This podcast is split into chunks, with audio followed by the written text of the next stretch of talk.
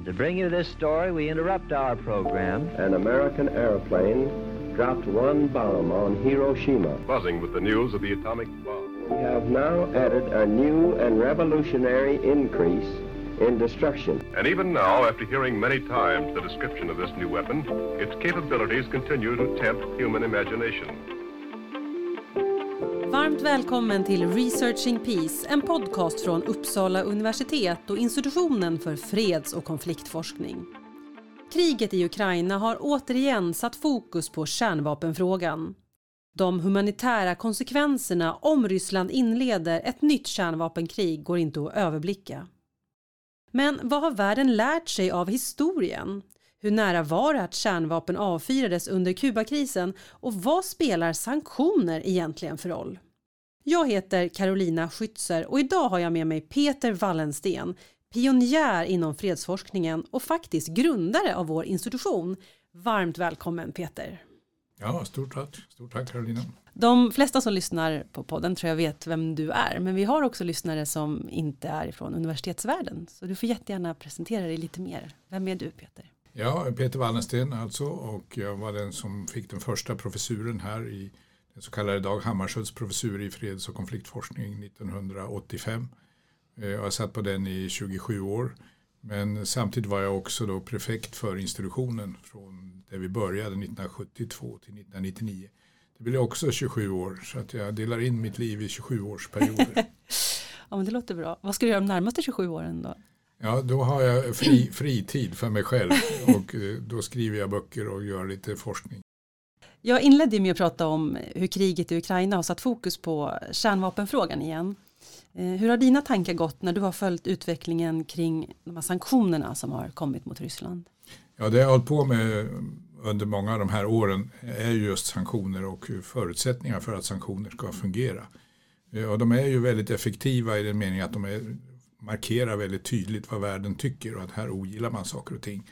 Och det kostar lite grann för den som lägger på sanktionerna också. Så det markerar ytterligare. Vi offrar något för att vi vill stå upp för de här normerna. Så där är de effektiva på det viset att markera.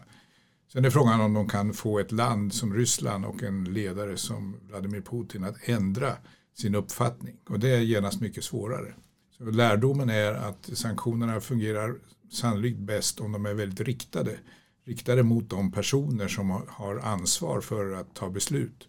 Och att det då kan leda också till att det blir sprickor i ledningen om hur man ska agera. Eh, så det är lite grann sådana saker som jag tittar på när det gäller att följa de här sanktionerna. Blir det sprickor i ledningen eller inte? Men finns det ett problem också med att sanktioner drabbar befolkningen och inte bara ledarna? Ja, det har ju varit det stora problemet och, och när det drabbar hela befolkningen så blir det lättast en, en, uppslutning kring ledningen. Här är vi alla drabbade så då måste ju omvärlden vara eh, fientlig och emot oss. Det får en motsatt effekt. Helt då får det en motsatt effekt. Det blir att man sluter upp bakom regeringen och regeringen försöker ju också åstadkomma precis den effekten. Så det har varit poängen med att hålla på med sådana här riktade sanktioner. Alltså att vi ska inte ha sådana sanktioner som drabbar folk utan det ska vara de som drabbar ledning eller vissa speciella produkter, till exempel vapen eller särskilda råvaror eller någonting sånt som verkligen ledningen känner av.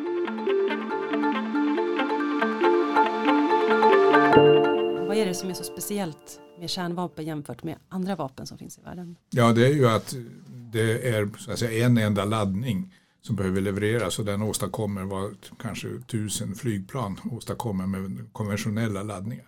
Så det, det, är så att säga väldigt effektivt i, i, kostnad och i förstörelse. Så när bomben släpptes över Hiroshima 6 augusti 1945 då reagerade ju folk där när det kom ett flyglarm så såg de bara tre flygplan. De var vana vid att det kom hundratals flygplan. Så man tog det inte på allvar men den laddningen exploderade ju då ungefär 600 meter över ytan och det raderade ut hela stan och det var någonting alldeles eh, oerhört som ingen kände till tidigare. Så det blev en enorm chock och när det sen upprepades tre dagar senare i Nagasaki så fick alla klart för sig att de här vapnen är av någon väldigt speciell dignitet. Och de här måste vi på något vis göra oss av med. Men har världen glömt det här eller hur kommer det sig att det fortfarande rustas? Ja, man behöver hela tiden påminna om det. Och Nobels fredspris då 2017 gick ju till eh, den internationella kampanjen mot eh, kärnvapen. Och, det, och, den har ju väldigt mycket ägnats åt att påminna folk om hur det var. Och överlevare som finns från Hiroshima har kunnat berätta om effekterna. Men det är klart att de människorna blir ju allt färre. Så man behöver hela tiden påminnas om att det här är inte vanliga vapen, det här är någonting annat och det har en enorm dödande effekt i termer av explosioner men också i termer av radioaktivitet och även nedsmutsning av hela planeten. Kan du ta med oss till vad som händer, vad som händer då i, i, i Japan när man släppte bomben? Ja, den exploderade då alltså 600 meter ungefär ovanför marken och det blir då en, en enorm tryckvåg. Eh, det blir en explosion så det tar eld och så blir det en tryckvåg som slår sönder saker och ting. Så det är både eld och, och eh, hus och så som slås sönder och människor som finns i dem bränns till döds i princip. Ögonblickligen helt enkelt? Ja, mer eller mindre. Det finns ju bilder där man bara kan se skuggan av personen. Själva personen har försvunnit så att säga. För den tog omedelbart bort människan, det blev ingenting kvar. Eh, och det finns ju väldigt mycket folk som eh, också överlever med väldiga brännskador. Eh, och med radioaktiva effekter, mer av leukemi och cancersjukdomar efteråt. Så det har väldigt lång, långvariga effekter också. Har du i din forskning intervjuat och träffat folk som var med då? Vi hade ett sånt möte. Här i Uppsala har det ju varje 6 augusti varit en liten ceremoni vid ån för att minnas det här. Och vid ett tillfälle hade vi med en japansk diplomat eh, som berättade hur han var fem år i Hiroshima när det här inträffade. Och hur hans far hade placerat familjen i just Hiroshima.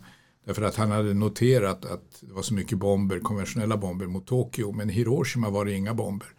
Eh, så han tyckte det här var ett bra sätt att placera familjen. Och han skaffade då ett litet hus som de hade nere vid floden.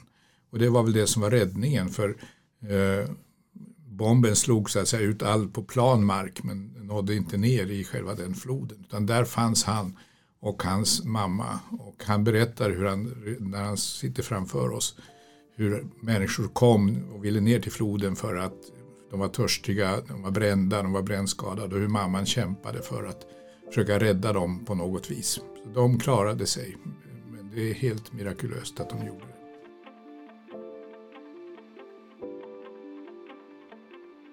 Finns det fler tillfällen utöver Japan när det har varit eh, nära att kärnvapen har använts? Ja, definitivt har det funnits i bakhuvudet hos många ledare och man har hotat med att använda kärnvapen. Eh, Eisenhower gjorde det i Koreakriget. Eh, president Nixon eh, funderade på att använda det i Vietnamkriget. Under kriget 1973 i, mellan Israel och Egypten så la amerikanska styrkor i högsta beredskap som ett hot för att inte Ryssland skulle blanda sig i den här konflikten. 1983 så kom det larm som visade sig vara falska men alla var omedelbart på gång att här måste vi göra någonting. Så det är en ständig spänning här kring det här. Det kalla kriget är ju över och tack, delvis tack vare olika åtgärder att minska mängden kärnvapen men också att eh, inte ha dem i så här högsta beredskap.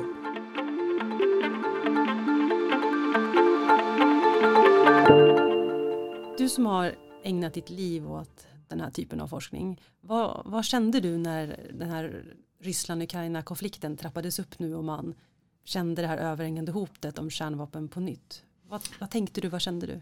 Ja, nej, men det, det, det reser kalla kårar, man blir faktiskt rädd. Eh, för det här är ju uppenbarligen en ledare som är väldigt fixerad på vad han ska uppnå. Och han är beredd att ta till alla möjliga medel och även nu när kriget uppenbarligen inte har gått som man har planerat. Då blir man ju än mera orolig att han tänker sig ta till de yttersta av vapen.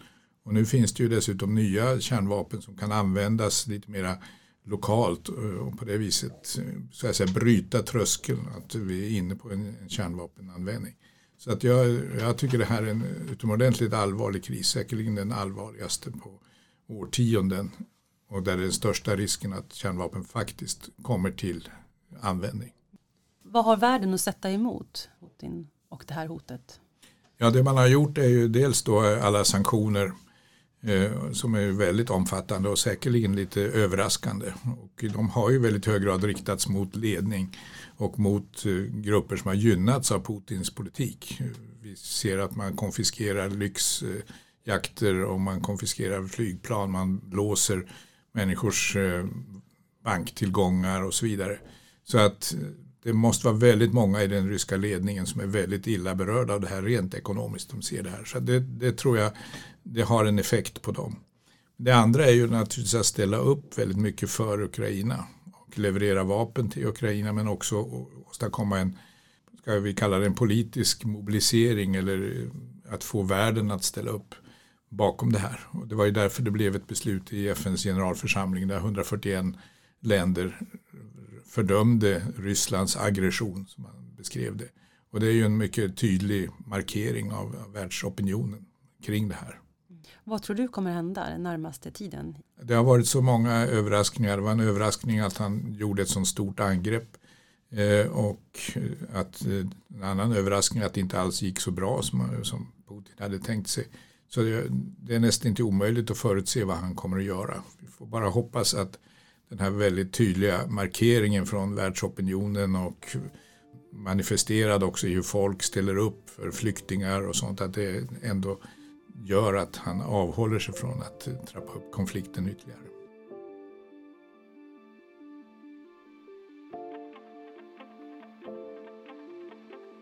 Jag tänkte också att vi skulle prata lite om Alva Myrdal. Vad skulle du säga att Alva Myrdal har haft för betydelse i kärnvapenfrågan historiskt? Ja, hon har ju varit en förnuftets röst. Så hon blev alltså svensk ambassadör för nedrustningsfrågor. Och detta är på 60-talet och då gick det, pågick det förhandlingar i Genève, eh, 18 länder som deltog i de här förhandlingarna. Och eh, Alva Myrdal var väldigt tydlig en, en, ledande figur i de här sammanhangen även om det var, kommer från ett litet land och vi har kärnvapenmakterna där. Och hennes sätt att ta det här var ju dels att vara väldigt välinformerad. Hon hade lärde sig, hon gick kurser i kärnfysik för att förstå hur det här, hur hela det här fungerar. Dels att här, formulera väldigt konkreta förslag vad man ska göra. Så man kan ju se på bilder och journalfilmer från de här förhandlingarna och ser man hur väldigt tydlig hon är i förhandlingarna och hur väl hon jobbar. Och dessutom ser man ju att hon är den enda kvinnan i stort sett i rummet. Ja. Och sannolikt är det en, en, en, någonting som hon använder till sin fördel tror jag. Jag såg ett klipp på, på SVT Öppet arkiv med henne där hon satt i någon eh, typ talkshow liknande. Och då fick hon frågan, jag brukar fru, Myrdal eh, använda sitt kvinnohjärta när hon kliver in, eller sitt modershjärta sa de, förlåt, använda sitt modershjärta när hon kliver in i förhandlingsrummet. Ja, och så anspelar de på det där. Ja, ja. Och då gav hon ju verkligen svar på tal. Ja, ja nej, hon resonerar ju inte alls i de termerna utan det, här var det ju förnuft och logik och ekonomi och strategi det var så hon ville resonera. Hon ville inte falla i någon slags eh, schablon där eh, i någon fälla utan hon ville verkligen just diskutera frågan som sådan. Men det måste varit svårt. Alltså det kan ju vara svårt idag att vara kvinna i, i sammanhang där det mest är män. Det måste ha varit tufft på den. Ja, det, ja, ja hon var verkligen, hon hade skinn på näsan som man säger. Men hon visste ju också att hon är duktig. Hon hade varit svensk ambassadör i New Delhi, hon hade haft jobb i Unesco, hon hade skrivit viktiga böcker och så vidare. Så hon hade ju naturligtvis en självmedvetenhet som kan vara bra. Aldrig, jag har ju träffat henne ett antal gånger. Aldrig en skrytsam person. Tvärtom förbluffande ödmjuk. Och vi andra som unga studenter som träffade henne till exempel. För oss var ju hon en stor stjärna. Som man knappt vågar prata med. Men hon ville höra vad vi tyckte. Hon ville lyssna in och så vidare. Eh, vilket fascinerade mig. En, en, sån stor människa dessutom i, sitter hon i regeringen och sådär. Så för eh, oss som studenter var det något stort att få tillfälle att prata med henne. Har du något specifikt minne från när du har träffat henne? Jag har ett väldigt specifikt minne, det är första gången. Och då är jag, eh, kan jag vara 24 år eller någonting sånt där och in, hembjuden. Det är när SIPRI, Svenska Stockholms fredsforskningsinstitut har startat så blir jag på något, av någon anledning hembjuden till chefen för detta institut. Och där finns då Gunnar och Alva Myrdal. Och Gunnar blir naturligtvis som den stora ekonomen han är, nobelpristagare, ja, han var inte det då förresten. Men i alla fall, han dominerar omedelbart ett rum och, och förklarar hur världen ska ordnas och så. Och så kommer då Alva in i det här rummet och ser oss eh, studenter och ungdomar som sitter liksom i det ena hörnet och alla de stora kända personerna flockas kring Gunnar och då vinkar hon till oss. och tar ut oss i ett rum intill och så säger hon sitt ner här. Och så sätter hon sig själv så att säga, på kanten på en soffa och lutar sig fram och säger berätta nu vad ni gör för någonting. Och detta tycker jag var otroligt imponerande och det, för mig var det lärorikt. Det är naturligtvis så man ska vara. Man ska fråga folk vad de håller på med, man ska uppskatta unga människor vad de tycker och tänker. Så där fick vi då ett otroligt intressant samtal och sen efter det har jag träffat henne ett antal gånger men alltid med, med samma intresse och ja, ödmjukhet och att hon verkligen vill lyssna. Det var liksom inte bara någon etikett eller så utan hon ville verkligen veta vad vi tyckte och vad vi höll på med. Det är sånt imponerar. Ja, verkligen. Och det här att det här centret nu då får bära hennes namn. Vad kan man säga om det? Jag tycker det är fantastiskt. Dels därför att hon var en sån central person i de här förhandlingarna. Det är ingen tvekan om det. Och att hon sen under 70-talet också blev en central person i olika folkrörelsers arbete med kärnvapenfrågan. Och sen fick hon Nobels fredspris som tack för detta 1982. Verkligen strålande fint. Sen har hon ju naturligtvis en bakgrund i Uppsala, hon är född här. Men framförallt tycker jag det är just hennes sätt att eh, ta upp frågorna, just det här rationella och att man ska vara välinformerad och kunna de här sakerna. Och att det med logik eh, och bevisförmåga, det är så vi ska vinna debatten. Det var hennes eh, sätt att tackla det och det är ju precis vad ett sånt här centrum ska göra. Jag tror att hon hade varit väldigt glad att eh, det här centrum hade uppkommit redan på hennes tid.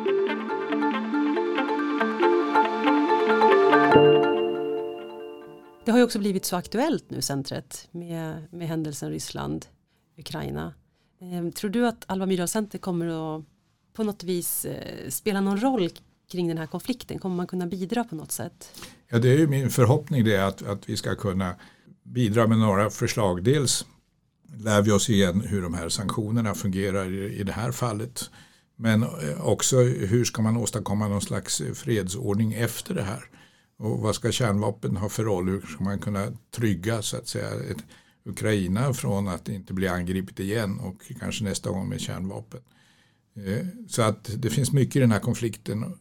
Det är också det faktum att Ukraina hade kärnvapen själv. När Sovjetunionen upplöstes så var det ju ett stort antal kärnvapen som hamnade under ukrainsk kontroll. Och man gav upp de här, man lämnade dem till Ryssland. Men i utbyte fick man ju då en garanti om att den territoriella integriteten skulle skyddas. Det var 1994. Och det är ju lite chockande då att Ryssland nu plötsligt helt går ifrån det här avtalet. Mm. Så hur kan man då göra ett avtal där länder lämnar ifrån sig kärnvapen så att de, men ändå får tillbaka en, får en säkerhet som de tycker att de är värda och har rätt till. Ja, det löftet urholkas ju helt om man tittar på situationen idag. Då. Ja, vem vågar tro på ett löfte från, från Ryssland efter det här? Ja, kanske skulle man göra det om man har metoder för att övervaka vad Ryssland har för sig eller hitta förvarningssignaler och så vidare. Alltså man behöver tänka på en, en säkerhetsordning som inte bara gäller Ryssland och Ukraina utan det blir en global säkerhetsordning för att kunna trygga eh, länder från att för att de ska kunna lämna ifrån sig kärnvapen. Tappar du aldrig tron eller hoppet? Nej, hittills har jag inte gjort det.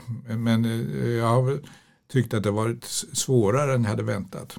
Mm. Alltså vi såg en fantastisk utveckling efter det kalla krigets slut eh, med en mängd konflikter som plötsligt kunde lösas. Vi talar om Sydafrika, det öppnas i Israel, Palestina, Nordirland. Det såg verkligen väldigt lovande ut under ett antal år. Och det var ju den typ av kunnande som vi som fredsforskare har var ju användbart där i medling och hitta förslag och, och eh, komma vidare. Och det här har ju stagnerat under de sista 8-10 åren.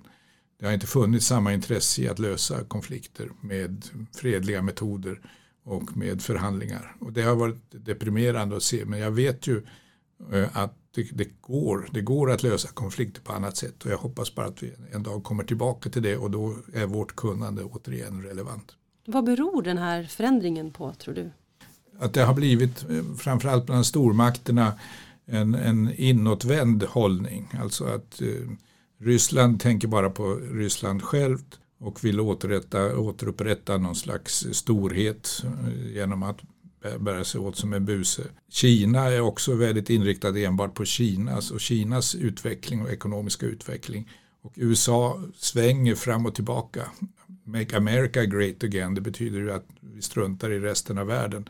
Och de här tankegångarna finns hela tiden i USA. Så alla de tre stormakterna drar sig inåt och då innebär det att de inte förmår ta in de intressen som andra har och därmed så tappar man då förmågan att också lösa konflikter fredligt. Då blir det en klart mycket oroligare värld. Och tyvärr har vi ju sett detta historiskt också, den typen av tankemönster fanns precis bland stormakterna under tiden före första världskriget och samma sak alldeles före andra världskriget.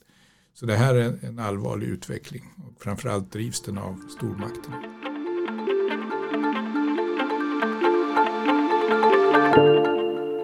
Om vi blickar framåt då, vi var inne lite på det, men eh, din forskargrupp nu på Alva Myrdal Center, vad ska ni jobba med framåt? Ja, den har ju då som uppdrag att eh, titta på det här med sanktioner. Mm. Eh, och jag är intresserad av hur sanktioner dels kan fungera då för att få fram fredsavtal, man kan pressa parter.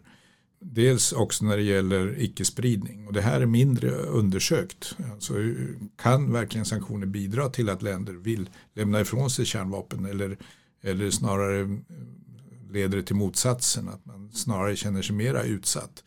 Och ska man då fundera på andra typer av åtgärder istället? Och den typen av frågor kommer vi att jobba med. För i ljuset av det som händer i Ryssland känns det ju osannolikt att en nation skulle vilja lämna ifrån sig sina kärnvapen. Eller tänker jag fel? Nej, det är precis den slutsatsen man, man måste dra. Så då måste vi fundera. Eh, då kan vi dela upp sanktioner i två typer. Alltså negativa sanktioner när man eh, pressar på, bryter av förbindelser och så. Sen skulle vi kunna tala om positiva sanktioner där man istället så att säga, belönar om man gör något gott. Man gör bra saker då får man någonting. Morot, morot, morötter istället för käppar. Mm. Eh, och det där är också väldigt lite tittat på. Det, det, är ändå en del av det som, som ska ingå i den här arbetsgruppen. Mm. Kommer ni jobba eh, tillsammans med andra, typ SIPRI eller andra institutioner? Ja, det, det, det, är ett helt nätverk av folk i världen som sysslar med sanktioner. Så det, dels finns det ju andra i Sverige men det är framförallt ett internationellt nätverk. Många som har jobbat med det här finns i i Schweiz eller Spanien eller USA, England. Så att det är verkligen en internationell grupp som är den som håller på med sanktioner. Den är inte så jättestor som man skulle kunna tro. Det är många som har synpunkter på sanktioner men att verkligen sätta sig ner och forska så att säga systematiskt kring hur, hur de fungerar det är förbluffande få. Jag tror att jag har med alla de ledande forskarna i den här arbetsgruppen och alla är mycket entusiastiska för det här initiativet trots det som hände i Japan där alla såg effekten av vad som händer om man, om man avfyrar kärnvapen. Hur är det möjligt att, att liksom världssamfundet, att, att, att det fortfarande finns kärnvapen? Att man inte efter så många år har lyckats förbjuda det, få bort det? Mm. Ja, alltså de kärnvapen som vi har sett och hur det där togs fram under andra världskriget det är ju egentligen en enorm forskningsinsats. Och de projekt som tog fram det här innehöll ju tusentals unga begåvade forskare. Den innehöll mängder med människor som jobbar med andra saker för att få fram de här. Och det blev ju en diskussion inom forskargemenskapen kring det här. Vad har vi egentligen bidragit med här? Har vi tagit fram ett, ett vapen som nu kan ödelägga hela planeten? Och vad är nu då vår roll? Och det där formuleras då efter tio år, 1955, i ett upprop från ett antal av världens då ledande forskare. Det var Albert Einstein, det var Bertrand Russell som har fått ge namn till det här Einstein-Russell-manifestet som en uppmaning till forskare att vi måste anstränga oss här och tänka på något nytt sätt för att göra oss av med de här vapnen och hur ska vi göra?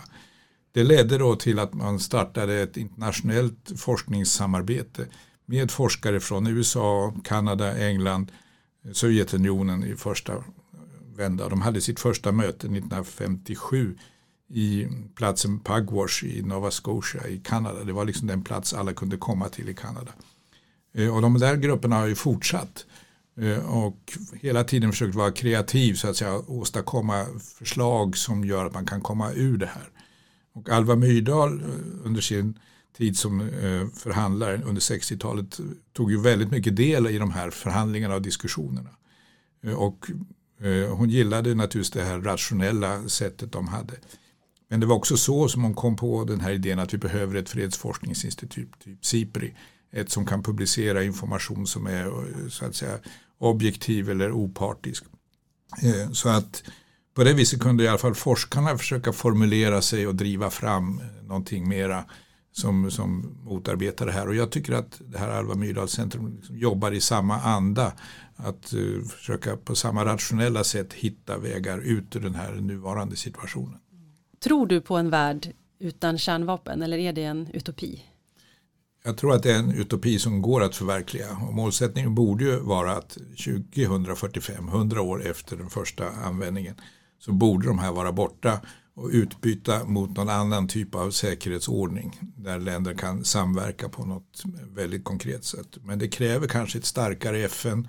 Det kräver en, en vilja att verkligen hitta lösningar på konflikter. Jag tycker vi har visat att pusselbitarna finns där men det behövs det här stora systemet, säkerhetssystemet där, där det blir möjligt. Men absolut är det möjligt, tekniskt är det, går det att avskaffa dem Tekniskt går det att övervaka så att ingen bryter mot de här avtalen.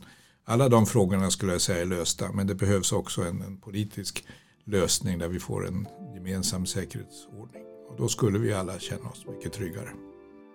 Tusen tack Peter Wallensten för att du var med i Researching Peace. Tack också till Mert John Gilmas som är vår tekniker och som klippt det här avsnittet. Den här podcasten produceras av Institutionen för freds och konfliktforskning vid Uppsala universitet i samarbete med Alva Myrdal Center. Du som lyssnar kan alltid nå oss på info.pcr.uu.se. Stort tack för att ni har varit med oss.